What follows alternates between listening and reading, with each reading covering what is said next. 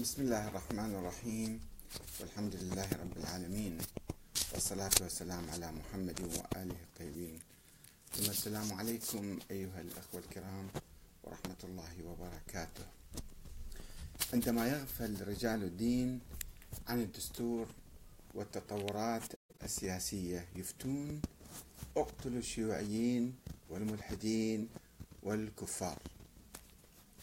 هذا موضوع حساس جدا. ومهم جدا آه، لابد أن نتوقف عنده ولا سيما بعد آه، صدور آه، عدة فتاوى أو شبه فتاوى وتصريحات من عدد من عدد من العلماء. وبالخصوص من السيد علي السيستاني ووكيله في الكويت السيد صباح شبر. ومن آه، أحد آه، شيوخ حزب الدعوة البارزين الشيخ عامر الكفاشي الكفيشي. آه، هذه ثلاث فتاوى صدرت خلال يعني فترة قصيرة جدا وأثارت زوبعة أو عاصفة في الحقيقة عن موقف الإسلاميين خاصة رجال الدين والأحزاب الإسلامية من التيارات الأخرى. كيف يفتون بقتل الشيوعيين والملحدين والكفار قتلا فوريا؟ وماذا عن التزامهم بالديمقراطية والدستور والحكم المدني وما إلى ذلك؟ أين ذهبت كل هذه الشعارات وهذه ال... آه، أنا أحاول أن أجد آه، يعني سر هذه التصريحات ولماذا يصرحون بهذه التصريحات. اولا أحاول أن أستعرض لكم آه، بعض هذه الفتاوى. مثلا عندنا موقع السيد السيستاني الاستفتاءات آه، يسأل من هو المرتد فيقول من خرج عن الإسلام واختار الكفر وهو على قسمين فطري وملي. والفطري من ولد على الإسلام على إسلام أبويه أو أحدهما واختار الإسلام بعد أن وصل إلى حد التمييز ثم كفر هذا الفطري ويقابله الملي. وأيضا آه، الجواب المرتد هو من خرج عن الإسلام واختار الكفر وحكم الفطري أنه يقتل في الحال وتبين منه زوجته بمجرد ارتداده وينفسخ نكاحها بغير طلاق. وتعتد عدة الوفاة على ما تقدم ثم تتزوج إن شاءت وتقسم أمواله التي كانت له حين ارتداده بين ورثته وبين أداء ديونه كالمي كالميت ولا ينتظر موته ولا تفيد توبته ورجوعه إلى الإسلام في سقوط حكم الأحكام المذكورة مطلقا على المشهور ولكنه لا يخلو عن شوب إشكال نعم لا إشكال في عدم وجوب استتابته. أصلا ما يحتاج واحد يستتيبه. هذه فتوى السيد السيستاني في موقعه على الإنترنت. أه وهناك أيضا فتوى لوكيله في الكويت. يكرر نفس الفتوى بالحقيقة وهذه فتوى معروفة. لا تخص السيستاني تقريبا كل العلماء يفتون بها. كل الرسائل العملية إذا ترجعون تجدون نفس هذه الفتوى منذ مئات السنين. هنا السيد صباح شبر. آه، قبل أن نأتي السيد صباح شبر عندنا الشيخ عامر الكفيشي أبو حيدر الكوفي اللي هو رئيس إحدى الهيئات في حزب الدعوة آه، بقيادة السيد نور المالكي. على فضائية آفاق المعبر عن هذا الحزب قال هذا التصريح. مش تصريح بالحقيقة تلميح بهدر دم العلمانيين والشيوعيين والليبراليين والمدنيين. قال الكفيشي هذا أن مواجهة العراقيين داعش أسهل من مواجهتهم أولئك الذين يختفون في داخل الساحة العراقية ويحتلون العقول والقلوب والنفوس. طيب إذا يحتلون العقول والقلوب والنفوس واجههم بالعقل وبالكلام والمنطق. ولكنه ماذا يقول؟ يقول ثم هؤلاء الذين أخذوا يفسدون عقول شبابنا وبناتنا في الجامعات والمؤسسات من أصحاب الفكر العلماني المتفسخ الذين ينشرون مبادئ الكفر والإلحاد والشيوعية الكافرة والمبادئ القومية الشريرة والمدنية التي يتحدثون بها ليل نهار. طبعا لما يقول الشيوعية الكافرة إشارة إلى الفتوى الشهيرة التي أصدرها السيد محسن الحكيم في الستينات آه، في مواجهة الشيوعيين وقال الشيوعية كفر وإلحاد. هذه راسخة بالعقل الإسلامي. وفي الحقيقة قام حزب الدعوة على أساس الرد على الحزب الشيوعي والحركة الإسلامية عموما. آه، المادة ها طبعا التصريح هذا آه، كما لمح إلى ذلك أحد الأخوان يقول المادة السابعة من الدستور تقول يحظر كل كيان أو نهج يتبنى العنصرية أو الإرهاب أو التكفير أو التطهير الطائفي أو يحرض أو يمهد أو يمجد أو يروج أو يبرر له. وبخاصة البعث الصدامي في العراق ورموزه. وتحت أي مسمى كان ولا يجوز أن يكون ذلك ضمن التعددية السياسية في العراق. وينظم ذلك بقانون. والمادة آه، الأخرى المادة 37 ثانيا والتي نصها تكفل الدولة حماية الفرد من الإكراه الفكري والسياسي والديني.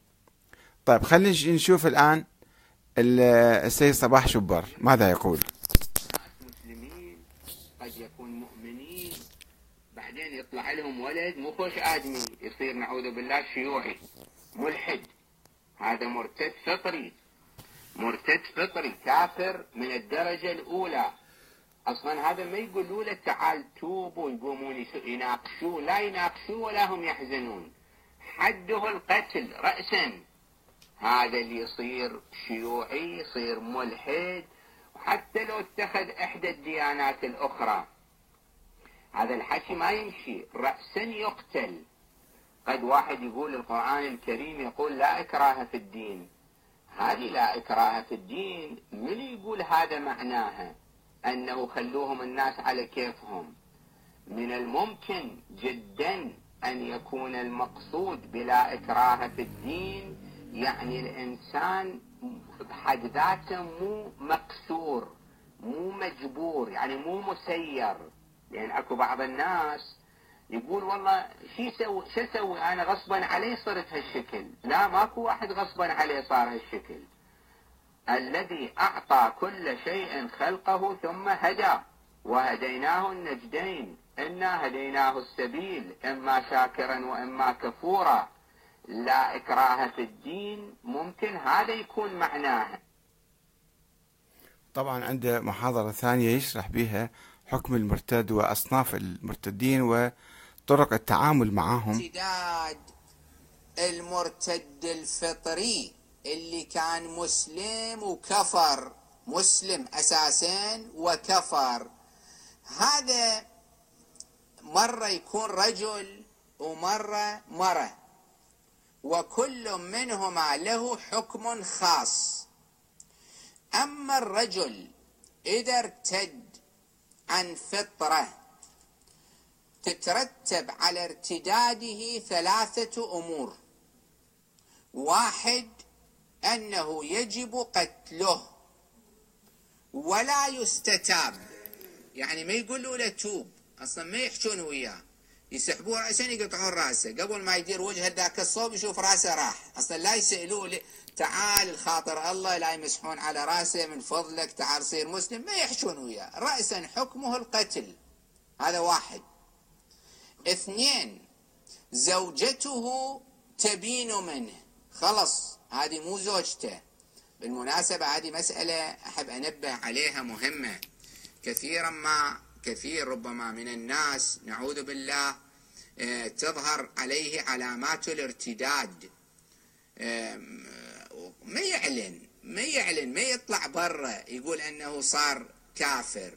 لكن بالبيت يحكي حكي معين اللي مبين منه متغير وضعه.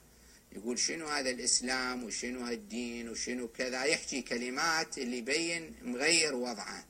هذا كفر. إذا كلمات من هالقبيل تعتبر كفرا وزوجته يكون تحسب حسابها تروح تتصل بأحد رجال الدين تقول له شنو حكى تعطيه تفاصيل الكلمات لأن محتمل صار كافر وانفصلت عنه.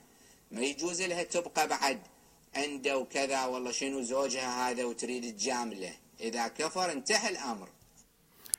طبعا كما ترون يعني هو يفصل في فتوى آه، يعني السيد السيستاني والمراجع الآخرون آه، كلهم تقريبا آه، يأكدوها. وهي فتوى قديمة يعني من أول الإسلام يمكن من الفتوحات. وهذا كان الحكم حكم اليهود والنصارى إذا أعطوا الجزية يصبحون ذميين وإذا ما أعطوا الجزية يصبحون محاربين فيقتلون. وكانت هناك فتوى للسيد السيستاني قبل فترة أيضا أكدها مرتين. أيضا نفس الحكم. نعرض عليهم الإسلام. إذا ما قبلوا الإسلام فنقتلهم وقال بالفتوى الثانية قال مو بصورة فردية إنما الدولة لازم تسوي العملية هاي. وأمواله وذراريه وكذا كل شيء يعني يستباح. آه، طبعا العلماء عموما أيضا يميزون بين أنواع الكفار.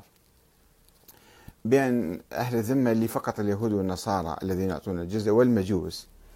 آه، وأيضا بين آه، المعاهدين والمحاربين. المحاربين طبعا نفس الشيء الحكم معهم يبقى المعاهدين أيضا يقولون المعاهدين إذا الدولة الإسلامية الحاكم الشرعي كما يقول السيد صباح أيضا وغيره إذا عقد اتفاقية شرعية فلابد أن نلتزم فيها المسلمون يلتزمون بها آه، من ناحية المال والقتل واستحلال الذراري وما إلى ذلك. والبعض يناقش في هذه الفتوى مثل عندنا السيد آه، أحمد الأستاذ أحمد المهري اللي هو مفسر للقرآن علق على فتوى أو كلام الحقيقة السيد صباح شبر اللي هو مو مجتهد إنما هو وكيل أو عالم دارس فقه يعني بالحوزة ووكيل السيستاني وكيل علماء سابقين في الكويت.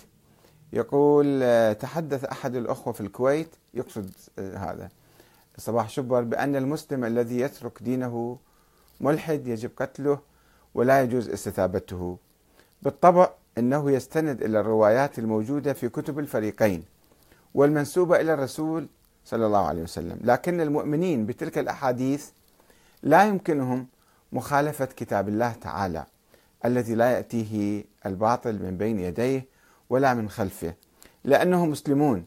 يقول سبحانه وتعالى في سورة الإسراء ولا تقتلوا النفس التي حرم الله إلا بالحق ومن قتل مظلوما فقد جعلنا لوليه سلطانا فلا يسرف في القتل إنه كان منصورا. فقتل النفس محرم بدون النظر إلى دينه أو تركه للدين الإسلامي. لم يقل الله تعالى ولا تقتل النفس المسلمة أو المؤمنة. وإن وأما الاستثناء هو سي صباح شبر قال يعني آية لا أكره في الدين أولها أيضا. أه وأما الاستثناء فبما أنه سبحانه وفي نفس الآية ذكر موردا لجواز القتل فإن علينا أن لا نتجاوز هذا المورد المورد إلا إذا استثنى سبحانه استثناء آخر في مكان آخر من القرآن الكريم. إذا أفتى الأخ الفاضل بغير ما أنزل الله. سيد صباح شبر. وعليه الاستغفار والتوبة وإعلام الذين تحدث إليهم بأنه أخطأ في قوله بقتل كل من ارتد عن دينه. ثم أنه قال بأن آية لا إكراه في الدين قد تعني بأن الإنسان حينما يختار دينا فهو غير مكره ولا تعني بأن كل إنسان مختار ليتخذ لنفسه ما يشاء من دين فسر كما يشاء. فهل الحرية الدينية مذكورة فقط بعد آية الكرسي؟ قال تعالى في سورة يونس ولو شاء ربك لآمن من في الأرض كلهم جميعا. أفأنت تكره الناس حتى يكونوا مؤمنين؟ أليس الاستفهام في الآية إنكاريا؟ يدل على عدم جواز إكراه أحد للإيمان أو على الإيمان حتى لو كان رسول الله لأن الخطاب موجه إليه عليه السلام. وقال سبحانه في سورة البقرة مخاطبا نبينا عليه السلام ليس عليك هداهم ولكن الله يهدي من يشاء. وما تنفقوا من خير فلأنفسكم وما تنفقوا إلا تنفقون إلا ابتغاء وجه الله وما تنفقوا من خير يوفى إليكم وأنتم لا تظلمون. فإذا كان الرسول غير مسؤول عن هدى الناس فهل الأخوة المعممون أكثر حقا من رسول الله؟ طبعا الأخ هذا أنا نشرت المقالة اللي يرد بها على آه، صباح شبر ولكن في الحقيقة المشكلة أنه المسلمين الأوائل اعتقدوا بأن الرسول أجاز الفتوح وأجاز إجبار الناس على الإسلام. فالكافر الوثني في الجزيرة العربية يقتل إما أن يسلم وإما أن يقتل ما في خيار آخر. وأيضا لديهم حديث يقول من غير دينه فاقتلوه أو من بدل دينه فاقتلوه.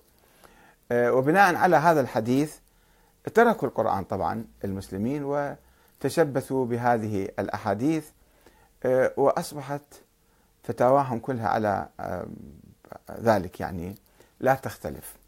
الآن نجي نشوف الآن الحركات الإسلامية والمراجع والسيد السيستاني نفسه آه، وقع الدستور. ماذا يعني الدستور؟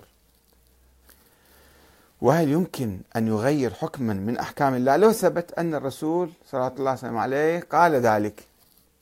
لو ثبت أنه هو أمر بقتل أي واحد يغير دينه. فهل يجب أن نطبق هذا الحكم أم هناك إمكانية لتجاوز هذا الحكم. هل يعقل أنه نتجاوز حكم رسول الله صلى الله عليه وسلم؟ هل يجوز لأي مسلم أن يتجاوز هذا الحكم الآن؟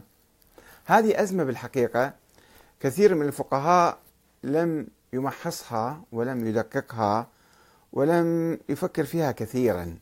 هناك حكم قديم وهناك قفزة نحو الديمقراطية قفزة نحو الدستور نحو الحكم المدني والآن تشوفون كثير من الحركات الإسلامية ترفع أيضا راية المدنية وحتى معممين كثيرون.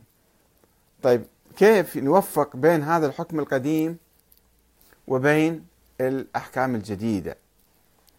في الحقيقة هناك آيتان في القرآن الكريم أو في الحقيقة ثلاث آيات أيضا يمكن نستشهد فيها لكي نستنبط آه، حكما جديدا نتجاوز فيه الحكم القديم. الدستور ما هو الدستور؟ الدستور هو اتفاقية اتفاقية يعقدها الناس فيما بينهم المسلمون وغير المسلمين مثل صلح الحديبية. صلح الحديبية اتفاقية النبي عقدها مع كفار قريش وعلى آه، ضوء تلك الاتفاقية اللي ضمنت أنه لو جاء أحد من المسلمين ارتد ورجع إلى الكفار الكفار ما يرجعوا. إلى النبي محمد. وإذا واحد من الكفار أسلم وأراد أن ينتقل إلى المسلمين النبي محمد يمسكه ويعتقله ويكتفه ويسلمه إلى الكفار. اتفاقية عجيبة غريبة مخالفة لروح الإسلام. ولكن النبي محمد اضطر إليها. اضطر ووقع هذه الاتفاقية. وفي بعد الحبر ما ناشف ابن ذاك الشخص اللي كان يوقع من المشركين هرب وهو يرفل بالحديد. كان معتقل. هرب واجى استغاث بالنبي. شوف إيش قد الموقف صعب. والنبي كان مستوى موقع الاتفاقية. وذاك الرجل المشرك قال له هذا بعد استوى وقعنا اتفاقية أعطيني هذا ابني رجع لي إياه. فالنبي مسكه ورجعه. يعني شوف هنا النبي جاوز الشريعة الإسلامية. الشريعة هي تقول أنه لازم أي واحد مسلم نرحب فيه مهاجر هذا. مهاجر ومعذب عند الكفار ولا عند المسلمين. شوفوا شلون يعني موقف صعب. ولكن لأنه النبي وقع اتفاقية فالتزم بها وأرجع ذلك المسلم إلى أبيه وإلى الكفار. وراح يعذب وما يقتل وما كل شيء يصير فيه. بس خلص هذا لازم ما دام وقعنا اتفاقية. والله سبحانه وتعالى اجى نص على ذلك. نص على هذه الاتفاقية. فشوفون مثلا في آيتين إيه، ماذا يقول الله تعالى؟ يا أيها بسم الله الرحمن الرحيم سورة المائدة. يا أيها الذين آمنوا أوفوا بالعقود. بعدين أحلت لكم بهمة الأنعام ذاك موضوع آخر. بس أوفوا بالعقود. يا أيها الذين آمنوا أوفوا بالعقود. إذا عقدتوا عقد اتفاقية يجب أن تلتزموا بها. مهما كانت صعبة ومهما كانت حتى لو مناقضة لبعض التعاليم الإسلامية. أما الآية الثانية فهي في سورة المؤمنون. يقول الله تعالى بسم الله الرحمن الرحيم. قد أفلح المؤمنون الذين هم في صلاتهم خاشعون إلى أن يجي والذين هم عن اللغو معرضون والذين هم للزكاة فاعلون والذين هم لفروجهم حافظون إلا على أزواجهم أو ما ملكت أيمانهم. فمن ابتغى وراء ذلك فأولئك هم العادون والذين هم لأماناتهم وعهدهم راعون. من شروط الإيمان من شروط المؤمنين أنه والذين هم لأماناتهم وعهدهم راعون إذا أعطوا عهد. نجي للدستور الدستور اللي ينص على الحرية الدينية مثلا الدستور العراقي والكثير من الدساتير. آه، آه، قبل ما أجي للدستور أقول الحكم المعروف والمتفق عليه بين جميع المسلمين وجميع العلماء وراجعوا أي مرجع وأي فقيه. يقول يقسمون الكفار إلى كافر أو مرتد يقتل رأسا وذمي أيضا آه، هذا يحترم ومحارب يحارب ومعاهد الآن الدول الإسلامية تعقد اتفاقيات مع جميع دول العالم. اتفاقيات وسفراء تبادل سفراء. هذه يسموها معاهدات. معاهدات يجون إلى بلادنا ونروح إلى بلادهم. واحد يحترم الآخر. إذا فالمعاهدة مع الكفار ما يجوز بعد نروح نقتلهم أو نستبيح أموالهم ونسائهم وذراريهم. نحترمهم. إذا أجوا في بلادنا نحترمهم. طيب هذا شيء معروف وواضح. نجي على المعاهدة الداخلية. أحيانا بلد يحتل. سابقا افترضوا كان العراق هو مفتوح فتحا إسلاميا وتجري عليه أحكام الإسلام. إجوا الإنجليز احتلوا العراق. احتلوا العالم الإسلامي. وإجوا الأمريكان أيضا احتلوا العراق. والعراقيون جميعا تداعوا إلى كتابة وثيقة للحياة. دستور يسمى دستور. المسلمون والمسيحيون والشيوعيون والملحدون والقوميون وكل هالناس الآخر والشيوعيون اتفقوا على هذا الدستور ووقعوا عليه وصوتوا عليه. وهذا الدستور يتضمن احترام العقيدة والفكر واحترام الأموال الآخرين. فهل هذا الدستور محترم؟ ويجب الالتزام به أم يجوز اختراقه ويجوز التخلي عنه. الفقه القديم في الدولة اللي كانت إسلامية هسه ما علينا أنه حكمهم كان صحيح ولا كان خطأ مثل ما السيد أحمد المهري يحاول أن يفسر يعني أن يقول أصلا موقفهم من الأساس كان مناقض للقرآن وهذا موقفهم مو صحيح. والمقالة موجودة في هذه الصفحة اللي نتحدث عنها اليوم. وأيضا آه هذا موقف. ولكن الموقف المشهور اللي كل العلماء شوفوا السيد السيستاني وصباح شبر وكيله والشيخ عامر الكفيشي وغيره وغيره ربما يأتون ويكررون نفس الحكم أنه ما يجوز لا زواج ولا كذا ونقتله فورا ونأخذ أمواله ونستبيح دمه أصلا بدون استتابة رأسا نقطع رأسه كما يقول السيد صباح شبر فهل هذا يعني كلام صحيح؟ أو يتناقض مع الدستور. طبعا يتناقض مع الدستور. ولأن المسلمين تعاهدوا فيما بينهم وبين الآخرين. الآن في هذا البلد آه، كتبنا الدستور ووقعنا عليه. هذه صارت آه، وثيقة عهد والذين هم لأماناتهم وعهدهم راعون. يا الذين آمنوا أوفوا بالعقود. نفس موقف النبي في الحديبية في صلح الحديبية. يعني خلص ما دام وقعنا اتفاقية فيجب الالتزام بها. إذا فالدستور العراقي ينص على أنه آه، ما يجوز القتل ولا نستعيد الفقرات. المادة السابعة يحضر كل كيان هو يعني يعني هذا طبعا أساسا هو يوفر الحرية تكفل الدولة حماية الفرد من الإكراه الفكري والسياسي والديني. تكفل هاي المادة 37 ثم بعدين المادة السابعة يقول اللي تتفرع عنها يحظر كل كيان أو نهج يتبنى العنصرية أو الإرهاب أو التكفير. ولكن هذا موجود في العقلية الخلفية للإسلاميين. العقلية القديمة الفقه القديم. يقول لك هذا فتوى موجودة. طيب هنا ماذا نفعل؟ نحن في مجتمع الآن غير إسلامي مجتمعات كافرة برا في بريطانيا في فرنسا في أوروبا في أمريكا. أيضا نفس الشيء هذا موجود. وأيضا في العراق وفي دول إسلامية كثيرة. دستورها ينص على دستور اللي موقع الدستور مرة يجي واحد يكتبه من فوق. كيفه؟ مثلا بالسعودية. الملك يكتب الدستور كما يشاء. ما في عقد اجتماعي. الناس ما موقعين عليه لا مصوتين عليه ولا متفقين عليه ولا هم مختارين كتابته. ولكن إذا اجتمعوا الناس مختلف الأديان والأحزاب والفئات والطوائف على دستور معين. ممثلوهم كتبوه ثم الشعب كله صوت عليه. فهنا يجب أن نلتزم بالدستور أو نلتزم بفتاوى الفقهاء السابقين مهما كانت صحيحة أو خاطئة. قلت فيها نقاش ومعلن والنقاش موجود. الآن المسلمين يعني الجدد أو الفقهاء الجدد يعني بالحقيقة يمكن لهم نظرات أنه هذا أساسا الفتوى هاي خاطئة لأنها تعارض الإسلام. ما علينا هسه الآن خلي تكون مئة بمئة توافق الإسلام.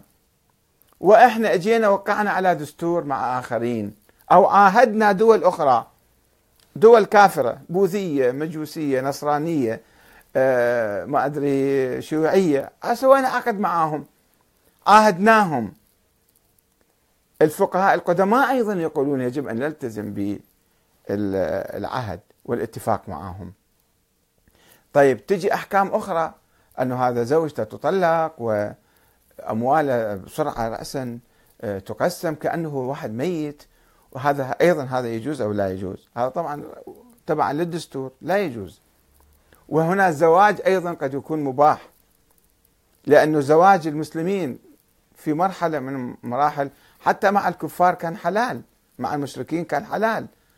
المشركين والمشركات كانوا بعدين صار فصل. عندما قامت الدولة الإسلامية صار فصل حتى في الزواج أنه اتركوا زوجاتكم الكافرات طلقوهم وذلاك يأخذون زوجاتهم المؤمنات يتركوهن ويرجعون للمؤمنات للمؤمنين والكافرات للكافرين.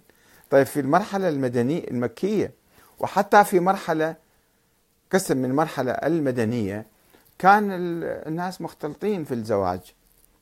فهل يجب أن المرأة المسلمة تطلق زوجها الكافر أو الكافر يطلق مرأته زوجته الكافرة. المسلم هل المسلم إذا زوجته شوية آه، سألت بعض الأسئلة أو شكت أو كفرت بالإسلام أو كذا فهل يجب عليه أن يطلقها رأسا ويأخذ أموالها وحقوقها؟ أو الآن في الغرب هاي المسألة مطروحة. هل يجوز زواج المسلم من غير المسلمة أو المسلمة من غير المسلم؟ تبعا لذلك تبعا للدستور تبعا لكذا. يمكن يكون عندنا فتاوى جديدة في الحقيقة. أما في داخل أتركوا مسألة الزواج مسألة الدماء والأموال. هل يحق قتل أي الشيوعي والملحد؟ أفترض الشيوعي ملحد هناك شيوعيين غير ملحدين مؤمنين بالله مؤمنين حتى بالنبي محمد يمكن بس يؤمنون ب آه، كنظام اشتراك كنظام للثروة مثلا. كما في السودان مثلا كما أعلم أن الشيوعيين في السودان يصلون ويصومون ويحجون ويقولون ما في تعارض بين الشيوعية وبين الإسلام. فمو كل شيوعي هو ملحد ولا كل شيوعي هو ضد الإسلام. أترك الشيوعيين المدنيين ألمانيين الليبراليين القوميين هم المروحة واسعة اللي يكفروهم. فهل يجوز تكفير هؤلاء؟ ولماذا يصر هؤلاء المشايخ؟ سواء المرجع السيستاني أو الكفيشي أو صباح شبر أو غيرهم من العلماء. هنا الاشتباه عندهم. ما ينظرون إلى التطورات الحاصلة في مسألة الدستور ومسألة التطورات السياسية الجديدة. أن إحنا الآن مو في دولة إسلامية إحنا في دولة مدنية. هكذا اتفقنا على أن تكون دولة مدنية. وفيها دستور وفيها قوانين. نحترم قوانين الدستور أم نحترم القوانين الفقهاء السابقين؟ اللي أيضا قد تتعارض مع القرآن الكريم. لأنه هذيك الأحكام آه، ظهرت في فترة الفتوحات وإجبار الناس على الإسلام. هذا كان اجتهادهم صحيح أو خطأ ما علينا به. هذه كانت فتاوى. والفقهاء يقلدون دائما. ما عندنا اجتهاد حقيقة. يعني حتى السيستاني ما أعتقد مجتهد بهاي المسألة. هو يقول روحوا صوتوا على الدستور والتزموا بالدستور والموقع ماله يمكن هو ما مطلع عليه ما أعرف. بس اللي أعرفه أنه كل العلماء ما يجتهدون يقلدون. علماءنا الآن كلهم مقلدين. ما عندنا ما عندنا اجتهاد حقيقي. واللي يجتهد لازم يشوف التطورات الحاصلة في هذا الموضوع الخارجي. الآن إحنا عندنا معاهدة اسمها الدستور. هذه المعاهدة وهذا الدستور يبطل الأحكام السابقة أو يهملها أو ما عليه فيها وذيك الأحكام تظل هي سارية. فشوفون سي صباح شوف يجي بكل قوة وجرأة يقول لك الشيوعي يقطع رأسه رأسا بدون كلام.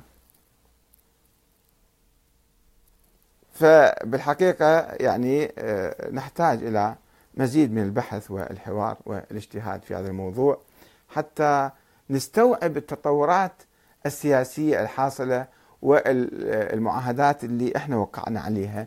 وما يجوز يوم نوقع اتفاقية ثم بكرة نلغيها. تجي داعش ما تعترف بالدستور؟ وطبق أحكامها نفس الفقه القديم. أي واحد تعتبره كافر حتى الشيعي تعتبره كافر فهذا كافر ملي ولا فطري تقتل رأسا